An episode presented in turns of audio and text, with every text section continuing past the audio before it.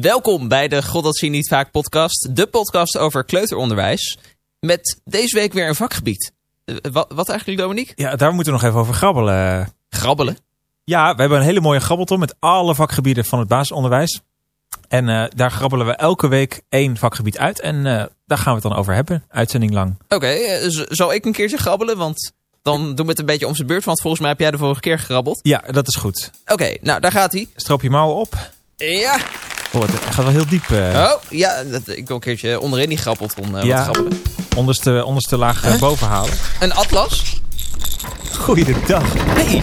En een loefzijde van een berg. Ah, ik, ik heb het idee. Ja, ik heb hem. Het is... Het vakgebied aardrijkskunde. Yes. De God dat zie je niet vaak podcast. Met Dominique Bosman en Sander Klootwijk. Seizoen 2, aflevering 2.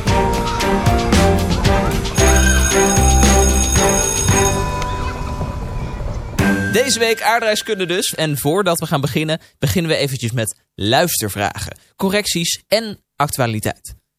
Deze week, Dominique, heugelijk nieuws, geen correcties. Serieus, hebben we het alles goed gedaan? Ja, kennelijk wel. De vorige keer moesten we nog diep door het stof. Vanwege onze verkeerde uitspraak over het Vlaamse kleuteronderwijs. Maar dat is eh, deze week niet gebeurd. Nou. Mocht jij nou iets hebben gehoord wat niet klopt, laat het ons even weten. Dat kan via Instagram. Goh, dat zie je niet vaak. G-O-H, dat zie je niet vaak. Dan nog eventjes over de actualiteiten. Ehm, ja, Sander, iets waar we heel trots op zijn, denk ik. Ja, ik heb hem hier. Je pakt hem er even bij. Even kijken welke bladzijde het ook weer is. hoor. We staan Ja. namelijk in de Amersfoortse Courant. Oftewel het, eh, het onderdeeltje van het AD in Amersfoort. En eh, daar staat onze podcast een pagina groot eh, in. Wauw, Met een mooi interview erbij. mooie foto. Zeker, zeker. We hebben hem sowieso op onze Instagram gezet. Dus daar kun je hem bewonderen. Kijk vooral eventjes op de website van het AD. Volgens mij staat hij daar ook te Ja. lezen. En eh, dan zoek je gewoon op Goh, dat zie je niet vaak. En dan vind je hem denk ik wel. En dan krijg je wat ins en outs over ons en over de podcast. Het is wel eh, interessant om te lezen misschien. Zeker.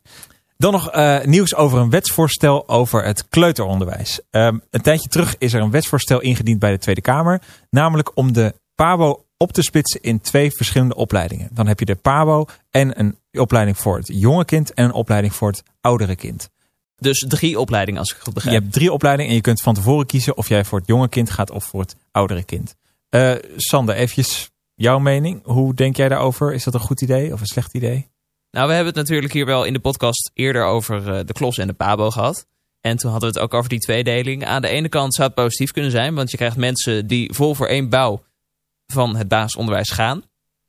Maar aan de andere kant mis je misschien wel de verbreding van het complete basisonderwijs. En loop je het risico dat ehm, er bijvoorbeeld bij eh, de kleuters nog minder mannen komen. Want als wij naar ons eigen verhaal kijken, dan hadden wij in de eerste instantie voor de bovenbouw gestaan.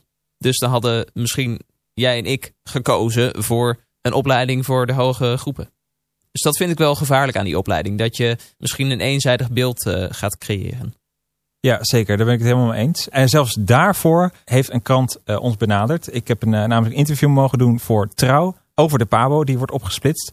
En eh, dat kun je ook allemaal lezen als je op trouw.nl intypt Dominique Bosman. Dan eh, vindt hij ook het interview. En dan kun je ook nalezen wat wij ervan vinden. Dus wil je de mening van Dominique Bosman horen? Lees het in de Volkskrant. Yes. Nee, de Trouw. De oh, trouw. de trouw. nou, het is toch geen sponsor, dus hebben we alle kanten weer gehad. Goed, we gaan door met de podcast. Met aardrijkskunde waar het allemaal om gaat. Dominique, als je aan aardrijkskunde denkt, dan denk je waarschijnlijk aan dezelfde persoon die ik in mijn hoofd nu heb. Zeker. Ja, we gaan eventjes een telefoontje plegen, denk ik. Met de enige echte. Hans Broeren. Eh, Hans Broeren, welkom in onze podcast. Fijn dat je er bent. Wij kennen jou als aardrijkskundedocent aan de HU Pabo in Amersfoort. Ja, kun je jezelf even voorstellen wie jij verder bent? Ja, goed. Nou, ik ben dus eh, Hans Broeren. Ik ben inderdaad eh, docent aardrijkskunde onder andere en ook eh, wetenschap en technologie op de leraaropleiding, hè, de HU Utrecht. En dat doe ik al eh, behoorlijk lang. Nou, ruim 15 jaar. Met heel veel plezier. En ik woon in Gouda. Ik ben 47 jaar. Ik heb ooit sociale geografie gestudeerd in Utrecht. En daar heb ik een beetje mijn basis gelegd voor nou, wat ik weet, mijn interesses. En daarnaast heb ik uh, veel reizen begeleid in het verleden. Dus ook de wereld echt uh, ontdekt, zeg maar. Uh, ik heb lesmateriaal ontwikkeld voor nou, kleuters tot en met middelbare scholen. Dat een beetje. De ideale persoon voor een aardrijkskunde podcast, denk ik zo. Hans, wat is nou de leukste aardrijkskunde die jij ooit hebt gegeven? Kan je die herinneren? Er zijn natuurlijk meerdere lessen waar ik aan denk.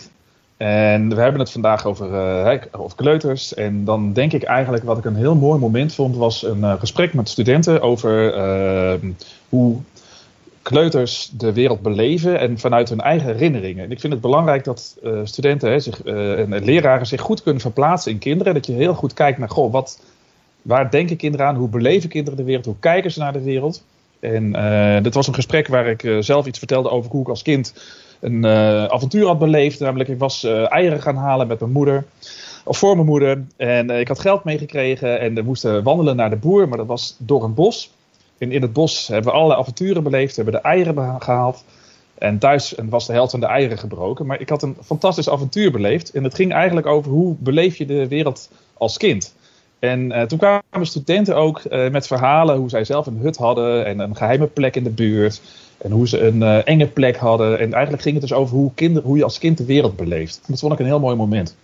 Ja, gaaf. Echt dat stukje kleuters, wat ik al bij jou hoor qua ervaringen, dat, dat vind ik heel erg interessant. En daar gaan we ook zo meteen zeker nog over doorpraten. Maar toch, het moet even gebeuren. Gaan we eerst naar de theoretische kant van het verhaal. Want bij het aardrijkskundeonderwijs denk ik persoonlijk nou, direct aan de vijf stappen hè, van de geografische zienswijze. Iets wat wij op de PABO met de paplepel ingegoten krijgen. Uh, wat is die zienswijze en waarvoor dient die precies? Ja, de, de zienswijze is eigenlijk, hè, dat zijn, bij aardrijkskunde gaat het over uh, de wereld verkennen, de wereld leren kennen, de wereld begrijpen. En het zijn eigenlijk, uh, de geografische zienswijze zijn eigenlijk vragen die je kunt gebruiken om te kijken en te leren over de wereld. Hè, dus er zit een soort opbouw in. En het gaat ten eerste om dat je heel goed naar de wereld om je heen kijkt. Dat je ziet hoe ziet het eruit, weten we hoe het heet, wat zie je eigenlijk allemaal in de wereld om je heen. En je kunt natuurlijk ook gaan richten naar bepaalde onderwerpen als verkeer of bouwen of spelen in de buurt of groen. Uh, dus het gaat eerst heel erg over leren kijken.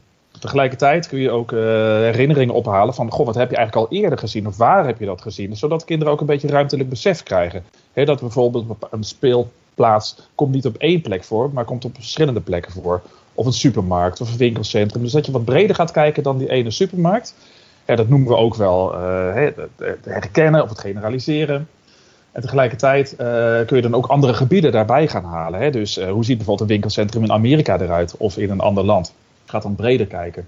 Je kunt ook gaan nadenken over waarom zie je iets op een bepaalde plek. Hè? Dus waarom staat er juist daar die supermarkt? waarom vind je op die plek die bakker? Waarom staat er een, is er een zebrapad op deze plek? Hè? Dus je gaat eigenlijk nadenken over waarom is dat op deze plek?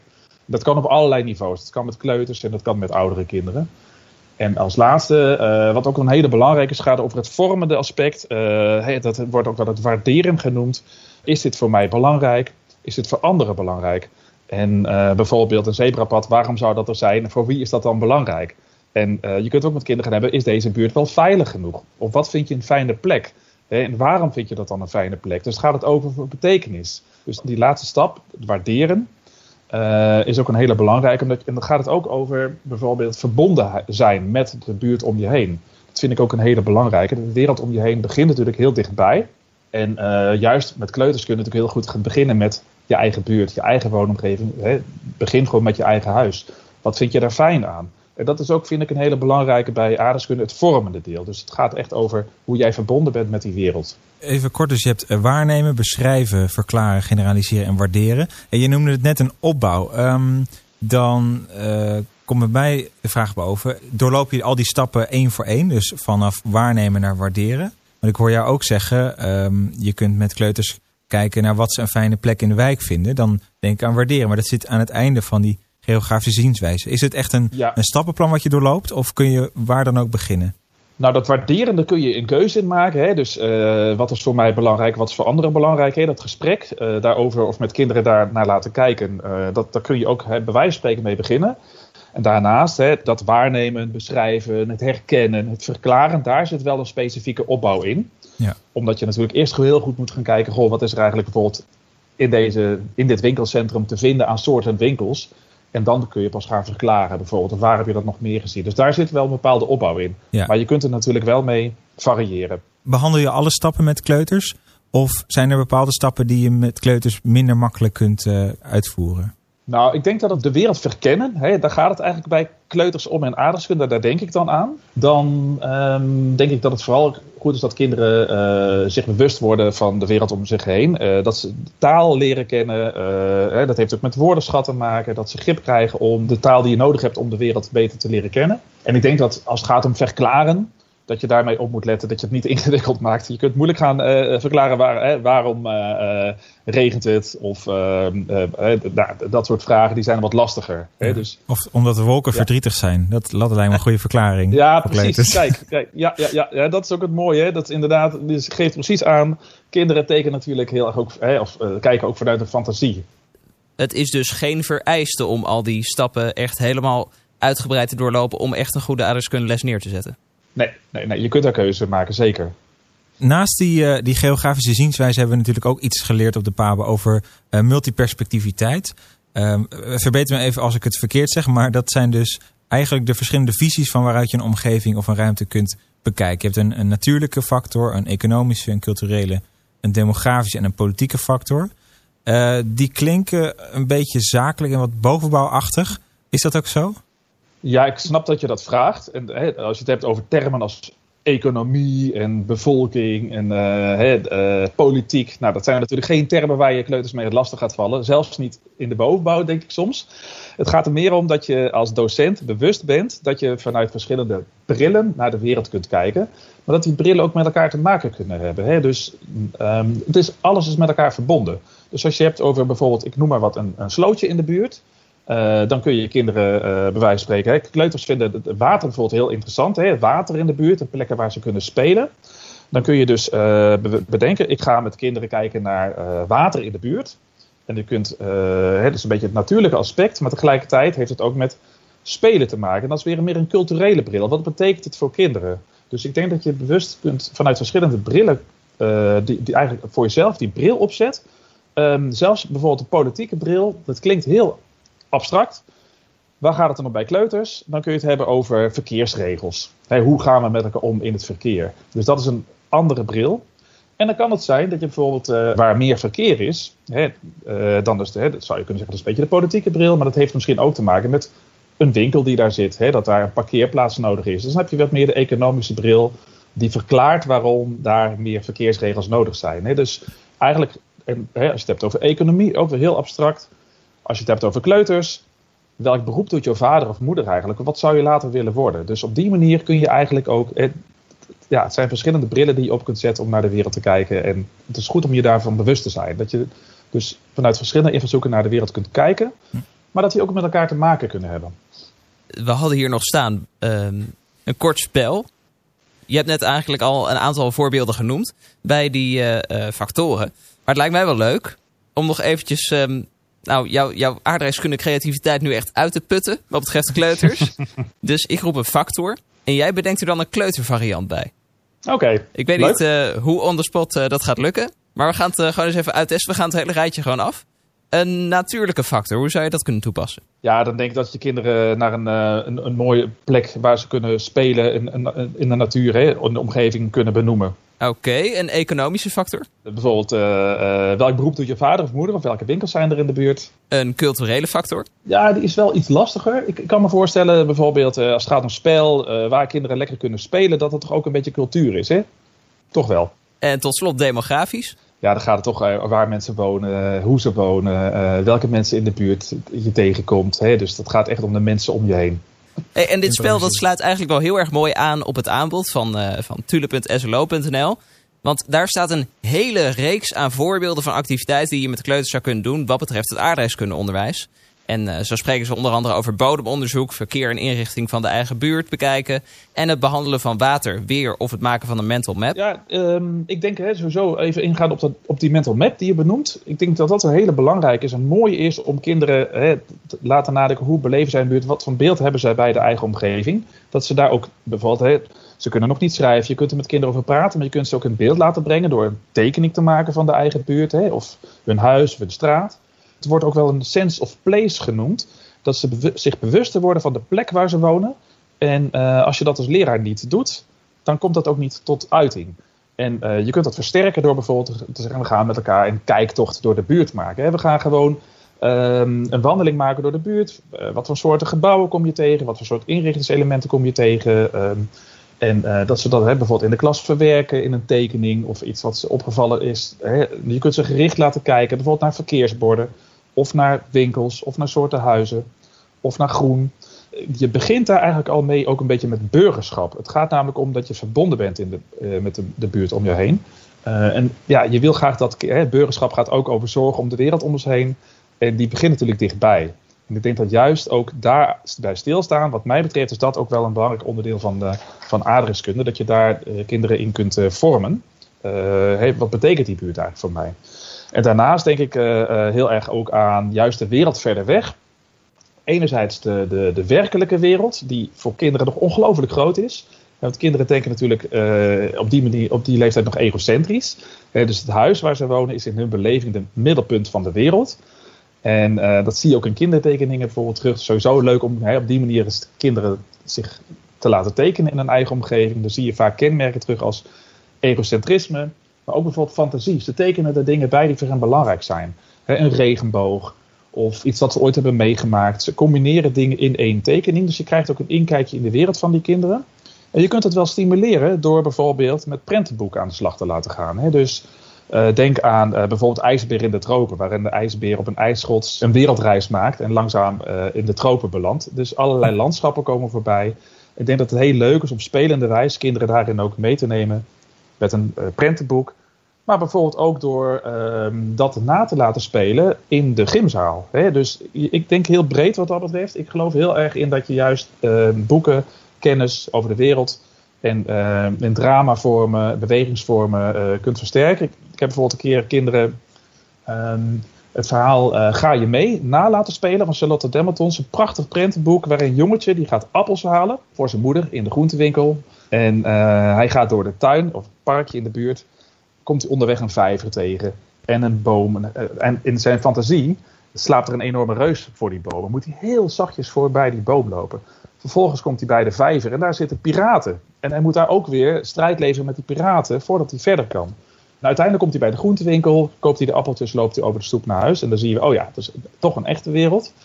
Um, maar als je dat bijvoorbeeld naspeelt, uh, dan kun je kinderen zich helemaal in laten leven in die situatie. En ik vind dat echt heel mooi dat je ook hè, fantasie versterkt, verrijkt. En um, dat mag ook allemaal nog lekker bij kinderen, kleuters. Het mag nog helemaal lekker door elkaar lopen. Het hoeft allemaal nog niet precies te kloppen. Maar ik denk wel juist dat je de kans is om de wereld, de grote wereld om ons heen, ook op die manier in de kleuterwereld te brengen. En een ander heel mooi boek is bijvoorbeeld De Gele Ballon, ook van Charlotte Dermatons. Ja. En zo zijn er uh, prachtige prentenboeken waar je juist heel mooi onderwijs van kunt maken, denk ik, uh, met kleuterklassen. Ja, ik hoor heel veel, uh, heel veel tips en over dat egocentrisch denken van kinderen. Daar gaan we het zo nog even over hebben met de schaalniveaus. Maar zijn er ook thema's ehm, die je met kleuters binnen aardrijkskunde nog niet kunt behandelen, die echt in de, voor de bovenbouw eigenlijk geschikt zijn? je moet proberen te kijken in leerlijnen. Wat, wat, willen, wat willen je dat kinderen eigenlijk aan het eind van de basisschool kennen? Welke taal ze hebben, hoe ze de wereld begrijpen. En ik denk dat je dus juist andersom kunt denken. Hè, naar waar, bijvoorbeeld als het gaat om vulkanisme. Hè, je gaat, ik vind het niet relevant om kinderen, kleuters hè, met vulkanen in hun fantasie misschien tot op zekere hoogte wel. Mm-hmm. Maar als je dan denkt, wat zouden kinderen kunnen leren als het gaat om de actieve aarde? Kun je bijvoorbeeld wel doorvertalen naar, oké, okay, uh, kleuters spelen in de zandbak. Wat is zand eigenlijk? En ga eens uh, met zand spelen of ga eens een rivier proberen te maken met zand. Of ga eens zand heel goed leren bekijken. En dan zie je dat zandkorreltjes eigenlijk stenen zijn. En misschien hebben kleuters wel weer een stenenverzameling thuis. Hè? dus maak een stenenmuseum in de klas. Dus ik denk eigenlijk andersom. Kijk eens naar de thema's die in de bovenbouw op het programma staan. Bijvoorbeeld landbouw. Niet interessant voor kleuters. Maar er zijn wel leuke prentenboeken over... Uh, uh, hoe heet die? Uh, boer, boer. Ach, dat is een hele leuke klentenboek. Ja. Ik kom er even niet op. Boer Boris? Boer Boris, precies. Dankjewel, Sander. Ja, Boer Boris is weer een ontzettend leuk boek om met kleuters te hebben over een boer. En over wat doet een boer eigenlijk? Ik kan me nog herinneren dat in, de, in ons tweede jaar hebben wij een themadag moeten geven. Ik, en Sander, jij had met jouw team ook een themadag georganiseerd. Ja, klopt helemaal. Wij hadden inderdaad een hele themadag omtrent het uh, planten van, van nou, uh, zaden en gewassen georganiseerd. Hadden we een prentenboek bijgeschreven en uh, um, allerlei activiteiten georganiseerd. En we hadden inderdaad ook, om het nog levendiger te maken, daadwerkelijk een trekker op het schoolplein neergezet. Waar de kinderen dan even in konden. Uh, er was een boer bij die dan uitlegde waarvoor alles diende op die trekker. En zo werd het inderdaad heel erg uh, uh, ja, levendig en echt gemaakt. Ja, precies. Kijk, dan zijn jullie helemaal mooi uitgepakt. Hè? Dus dat is natuurlijk een fantastische ervaring. En ja, nou, precies op die manier. Ja, dat geldt denk ik voor heel veel thema's die uh, arm en rijk in de wereld. Uh, groot thema. Uh, dus je moet ook vooral niet de grote problemen van de wereld bij kleuters met, met kleuters daarvoor aan de slag. Maar je kunt misschien wel al beginnen met kleuters. Goh, wat is eigenlijk waardevol voor mij? Dus, en dan, dan maak je een heel groot thema eigenlijk klein. Ja, je brengt iets, iets groots terug naar iets kleins. Er zijn binnen het aardrijkskunde onderwijs ook een aantal schaalniveaus. Dat zijn lokaal, regionaal, nationaal, continentaal en mondiaal niveau. En heeft dat ook iets met het aanbod te maken, die schaalniveaus, dat je daaraan gebonden bent? Of zou je met kleuters ook iets op mondiaal niveau kunnen behandelen? Ja, goede vraag. En uh, als je puur kijkt naar uh, ontwikkelingspsychologie uh, en hoe kinderen leren, dan zou je zeggen, nou je begint bij, hè, bij alleen de wereld heel dichtbij. De eigen belevingswereld, je eigen huis, je eigen straat, de plek waar je speelt, je eigen school dus heel dichtbij, dat noemen we dan inderdaad het lokale niveau. Uh, kinderen die noemen ook hun eigen woonplaats, het centrum van de wereld bijvoorbeeld. Uh, dus kinderen zijn, ik vind ook bijvoorbeeld een hele mooie, dat als een kind in de auto zit, uh, dan ziet hij de maan. Nou, de maan gaat met je mee, want die, maan is zo ver weg, daar hebben kinderen geen idee van. Dus dat schaalniveau, wat je die aanhalen, kinderen kunnen zich dat niet voorstellen, omdat ze nog heel concreet denken. Alles wat ze zien, dat bestaat. alles wat ze niet zien, dat bestaat ook niet. En daar zijn hele leuke voorbeelden van. Bijvoorbeeld als kinderen een plattegrond zien, uh, hebben ze geen idee dat een juf daar kan wonen. Want ze hebben die juf nooit in het echt gezien. Of het huis van die juf nooit hebben gezien. Dus dat zijn dingen, dat kunnen kleuters nog niet. Tegelijkertijd geloof ik heel erg dat het juist in die fantasie is er alles mogelijk. Dus je, mag, uh, je hoeft niet bang te zijn om juist die hele grote wereld gewoon lekker in de klas te halen. Neem een keer een globe mee. Wat is dat eigenlijk? Of neem een keer een atlas mee. Een leuke, hè, er zijn ook hele leuke kinderatlassen. Leg ze in de hoek. Uh, ik geloof heel erg wat dat betreft ook wel dat je juist ook uh, nog heel vrij in de kleuterklas de wereld gewoon uh, in de klas kunt brengen. Met, nou, met die prentenboeken die we net genoemd hebben. Ik heb hier ook bijvoorbeeld, dit is een heel grappig boekje, Bij ons in de straat. Dat gaat heel erg over van Koos Meinders. Erg leuk boekje, dat is een, op rijm. Bij ons in de straat van nummer 1 tot 10 wonen hele rare mensen. Kom, dat laat ik je ze zien. En dat is een heel grappig boekje en dat gaat heel over haar wonen. Met heel veel fantasie. Maar er is ook een ander prentenboek met Roos op reis bijvoorbeeld. Ongelooflijk mooi boek van Deborah Marciro. En daar uh, moet Roos moet iets meenemen van zichzelf naar de klas. En ze hebben een kring en in die kring hebben ze voorwerpen die ze met elkaar gaan delen. En ze weet eigenlijk niet wat ze mee moet nemen. En in haar fantasie gaat ze tekenen. Ze tekent allerlei kaarten, werelden. Uh, en ze droomt eigenlijk weg. En in het boek wordt je meegenomen in die droomwereld. Dat zijn allemaal verschillende plattegronden van haar stad, van de wereld om zich heen. Dat is ook een prachtig boek dat je met kinderen kunt delen, met Roos op reis. Om juist ook de fantasiewereld en de werkelijke wereld in de klas bij kinderen onder de aandacht te brengen. Wauw. Ja, gaaf. heel veel, heel veel tips qua, qua boeken en, en, en prentenboeken en ook heel veel lesideeën. Uh, maar tot slot, heb jij nog een tip, uh, even rechtstreeks naar de luisteraar op dit moment, uh, wat betreft aardrijkskundeonderwijs voor kleuterleerkrachten en kleuterleerkrachten in SPE? Uh, wat is jouw tip voor hen? Mijn tip is voor aardrijkskunde bij kleuters, er zijn allerlei thema's die op het programma staan. Uh, bedenk telkens hoe dat thema in de eigen omgeving te vertalen is. Dus wat kom je tegen in de buurt? Wat, is, wat speelt voor kinderen? En hoe kun je ook de omgeving daarbij betrekken? dus ga naar buiten als dat kan. Of haal materialen naar binnen. Dus breng die wereld tot leven. Dat vind ik een hele belangrijke. Bij het basisontwikkelen van kleuters gaat het heel erg over nieuwsgierigheid, zelfvertrouwen, emotioneel vrij zijn. Ik denk juist als je kinderen ook uh, naar buiten laat gaan, um, nou, dan leren ze ook tools, krijgen ze ook tools om vertrouwd te raken met die grote wereld om hen heen. Dus daar kun je niet vroeg genoeg mee beginnen, denk ik. Als het gaat om uh, aardeskunde en kleuters, denken natuurlijk ook gewoon aan een rijke leeromgeving in de klas. En een prachtig voorbeeld daarvan uh, heb ik ooit gezien bij uh, juf Corine op de Julianenschool in Gouda. En zij had het thema de bakker. Kinderen zijn bij de bakker op bezoek geweest. En in de klas, het was gewoon één grote bakkerij. De kinderen konden broodjes bakken, ze konden met letter B kleien. Er lagen prentenboeken, er hingen foto's van een graanmachine. Dus alles was heel mooi met elkaar verbonden. En ik, denk, vind dat een heel mooi voorbeeld. Hè. Dan gaat het niet meer om aardrijkskunde. Nee, die bakker is gewoon het thema. En dat komt op allerlei manieren tot uiting. Dus dat, is, dat, nou, dat wil ik nog even toevoegen. Ja, hartstikke bedankt. Uh, ik heb wel gemerkt hoe verschrikkelijk breed aardrijkskunde nu is. Ik denk altijd aan, aan vulkanen en, en het weer. En uh, uh, inderdaad over grafiekjes, over bevolkingsdichtheid en zo. Maar het wordt nu een stuk concreter met gewoon een bakkerij in de klas halen of een, een vulkanenhoek maken. Of ja, lekker naar buiten gaan, de wijk in en huizen kijken. Dat is al aardrijkskunde voor kleuters eigenlijk. Het is gewoon ontzettend leuk. Het is, het is een fantastisch vak als je het zo hoort. Ja. ja, ja, ja. En het leuke is ook als je bijvoorbeeld met kleuters uh, de wereld gaat verkennen. Zij komen met dingen die je niet verwacht. Hè? Dus dat noemen we dan de preconcepten. Van beelden van de wereld die, die ze hebben niet aangeleerd, maar die verzinnen ze gewoon. En een hele mooie uh, kwam ik ook tegen. Uh, kinderen gingen kijken naar kleuters, verkeersborden. En uh, verkeersbord van een, dat je een bepaalde weg in moest slaan. Dat was een pijl naar beneden. En een jongetje zei: Ja, dit betekent denk ik, hier mag je niet vliegen, hier moet je naar beneden rijden. Hm. En dat zijn ook mooie momenten. Ja. Oké, Hans zei dus: maak de grote thema's kleiner. En daarvoor kun je natuurlijk de schaalniveaus gebruiken. Maar een ander thema dat heel veel mensen, en voornamelijk kleuters momenteel fascineert, bevindt zich op het, uh, ja, hoe zou ik het noemen? Kosmisch schaalniveau, heet dat zo? Ja, je bedoelt de ruimtevaart. De ruimte is natuurlijk eindeloos interessant, inderdaad. Letterlijk en figuurlijk. En volgens mij kan je dat ook heel goed koppelen aan aardrijkskunde. Ja, en terwijl ruimtevaart een enorm, gigantisch en omvangrijk onderwerp is, is het toch best wel goed klein te krijgen voor kleuters. Klein genoeg om het begrijpelijk te maken. Ja, en nou daarvoor hebben we Sander Jansen gebeld. Hij werkt bij ECERO Nederland en hij kan ons vast meer vertellen over hoe je ruimtevaart kan behandelen op kleuterniveau. Sander, welkom. Welkom in de podcast. Je bent werkzaam bij ECERO Nederland. En even voor de luisteraars, wat is ECERO precies en wat zijn je werkzaamheden daar?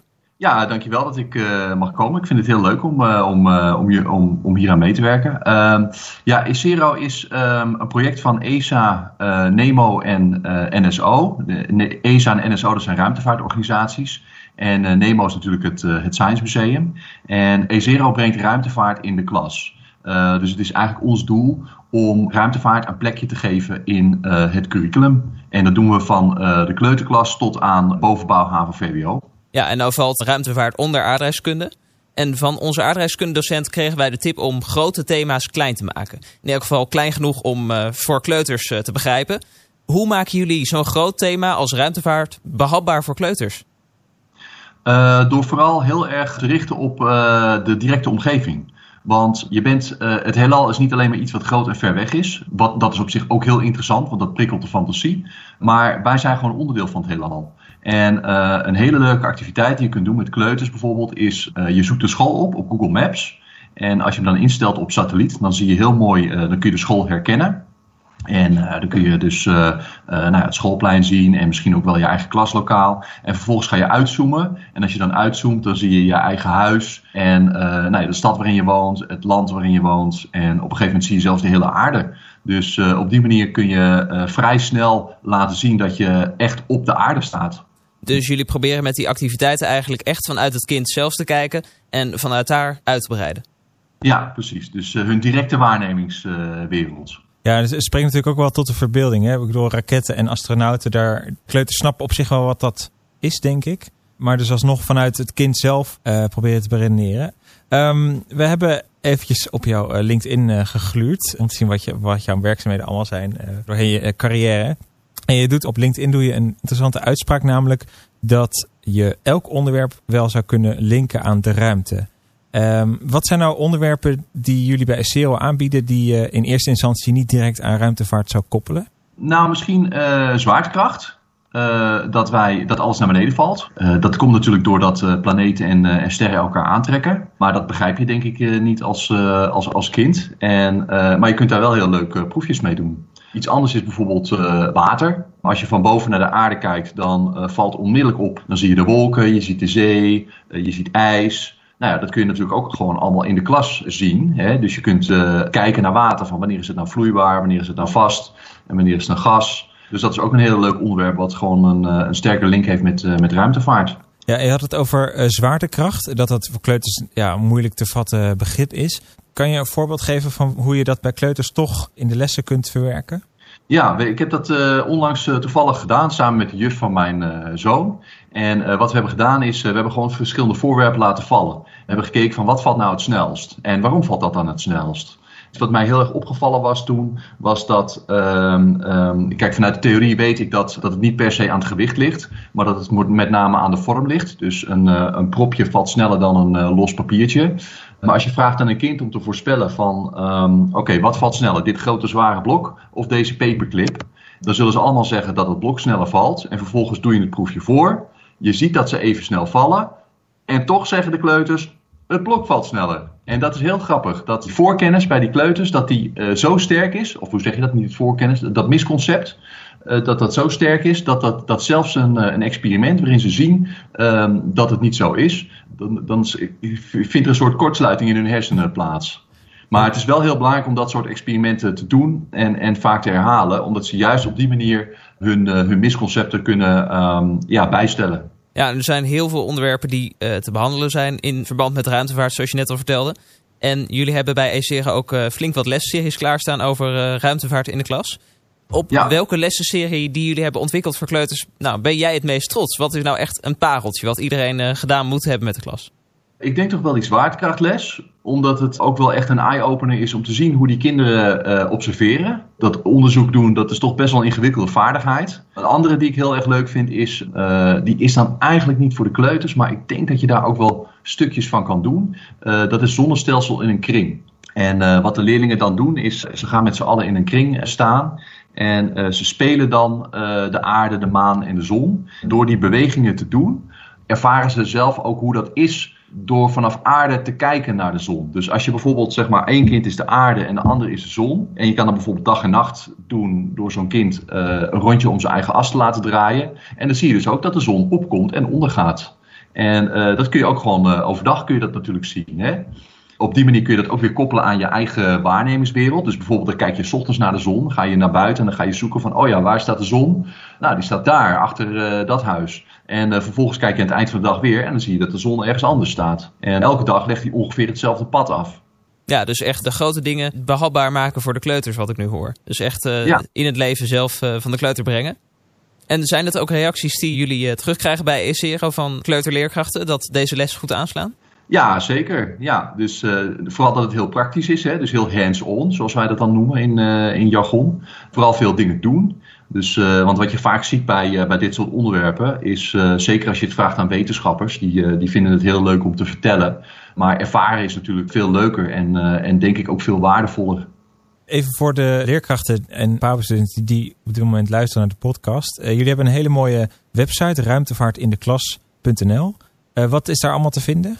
Heel veel lessen. We hebben uh, meer dan 150 lessen. Voor alle groepen, wat ik net zei, van kleuters tot aan uh, bovenbouw, haven, VWO. Over hele diverse onderwerpen. Daarnaast bieden we ook trainingen aan. Ik kan me voorstellen dat, uh, dat sommige leraren het wel spannend vinden om een onderwerp waar ze zelf niet zoveel van af weten, om dat in de klas te doen. Nou, daarvoor hebben we trainingen om ze daarbij te helpen. En dan kun je op de site kun je zien of er een training bij jou in de buurt is.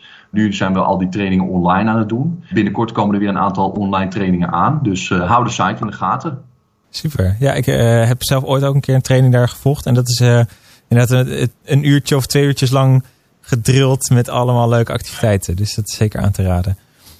Ja, wees nieuwsgierig. Stel vragen en probeer samen met de kinderen de vraag te beantwoorden. Dat kan voor een deel kan dat door het opzoeken. maar veel leuker is natuurlijk om dat via een experiment te doen. Is dat ook um, wat jij kleuterleerkrachten en kleuterleerkrachten in spe zou meegeven, die nieuwsgierigheid? Zeker, ja. Want juist kinderen, juist kleuters zijn ontzettend nieuwsgierig. En vinden het ontzettend leuk om, uh, om de wereld om, ze, om hun heen te verkennen. Het audiocolumn van Koen Seubring. Wat doe je als het gaat om aardrijkskunde in de onderbouw? Kijk, je begint natuurlijk bij het startpunt van de kleuter, de manier waarop zij leren. Kleuters leren vanuit hun eigen interesse en spel is het middel daarvoor. Daarnaast bedenk je hoe de kleuter dat doet, ofwel door op de grens te balanceren tussen fantasie en werkelijkheid. Die balans verklapt al dat alles in samenhang, of in verbondenheid zoals jullie docent Hans Broeren zo mooi verwoorden, moet worden vormgegeven. Na het startpunt ga ik pas kijken naar welke doelen of vakken ik wil aanbieden. Het maakt bij kleuters niet zoveel uit om welk vak het gaat, maar meer om hoe je het vak integreert. Goed, aardrijkskunde. Wat ik in essentie doe als leerkracht als het gaat om aardrijkskunde, is proberen om vanuit de eigen interesse van de leerlingen hen zich bewust te maken van de omgeving om hen heen. En waarom ik dat doe? Mijn tweede belangrijke vraag is zodat de leerlingen als het ware met verschillende brillen kunnen kijken naar de wereld om hen heen. Zo heb ik met groep 3 leren kijken naar verschillende bomen en kwamen er door onderzoek achter dat niet alle bomen oorspronkelijk uit Nederland kwamen. De kinderen hadden opeens door dat mensen best veel kunnen veranderen aan omgevingen. Bedoel, hoe geweldig is dat je dat inzicht al hebt in groep 3? Zo heb ik bijvoorbeeld vorig jaar met mijn kleutergroep het thema Het Museum gehad. Dit hadden de leerlingen zelf bedacht, want een meisje uit de klas was naar het Rijksmuseum geweest en iedereen was daar helemaal enthousiast van geworden. Na een lange tijd kunst creëren in alle hoeken, want ja, de hele klas was een museumwerkplaats geworden, moest er natuurlijk ook een museum gebouwd worden. Maar waar? Op de Pabo had ik natuurlijk ook geleerd over de verschillende brillen die je kunt opzetten om de wereld te observeren. En toen bedacht ik me, waarom geef ik de kinderen niet echte brillen? Zo was er een directeur, een groepje schilders, een paar bouwmeesters die een bril kregen. Ofwel economische, culturele en politieke perspectieven. Na het bekijken van verschillende echte musea door filmpjes en kaarten, hebben ze de kleutergang gekozen om daar het museum te bouwen. Hier was veel ruimte, daar waren ook al de blokken om mee te bouwen en konden alle ouders het museum bekijken en konden ze zelfs om centjes vragen. Ja, dit hadden ze echt zelf bedacht. Het is super belangrijk dat je als leerkracht een coach bent om ze te begeleiden. Ga vooral niet zelf te veel sturen. Stel vragen als waarom is dat hier en hoe verandert het? Gooi er daarnaast ook lekker veel beeldvormers in. Kaarten, afbeeldingen, voorwerpen enzovoort. Laat het leven en integreer de doelen in het spel en niet te veel in losse lessen. Zo maak je kleuters echt bewust van hun eigen omgeving. Hij is 21 jaar oud en een kleuterleerkracht uit Amersfoort. Dan heb ik het natuurlijk over de enige echte. Koen Seubering, dank voor je mooie column. Uh, Koen die heeft ons benaderd via Instagram. En dat kan jij ook doen. Als je nou een vraag hebt of een opmerking of iets wat je gewoon kwijt wil aan ons. Dan kun je ons via Instagram bereiken. Goh, dat zie je niet vaak. En daar posten we ook na elke aflevering een aantal boekentips omtrent het vakgebied wat we hebben behandeld. Kunnen mensen ons ook via Facebook nog bereiken? Ja, dat denk ik wel. Ja, volgens mij gewoon het goh, dat zie je niet vaak. Ja, alleen is die Facebookpagina volgens mij niet heel erg bloeiend. Maar daar kun jij ons bij helpen. Laat even een like achter op de Facebookpagina. God, dat zie je niet vaak. En dan uh, kunnen we die pagina ook weer tot leven wekken. Ik vond het een fijne aflevering. Veel geleerd over aardrijkskunde. Absoluut, zeker. Ja, en ik ben benieuwd wat de volgende aflevering gaat brengen. Ik ook, maar dat is nog niet bekend. Want daarvoor staat die gigantische grabbelton hier. Ja, we gaan gewoon volgende keer weer lekker grabbelen. En dan zien we wel wat eruit komt. Dominique, ik uh, ben eigenlijk wel moe na zo'n lange opnamedag. Koffie, thee. En roddelen over ouders. Roddelen over ouders. Joep, tot de volgende.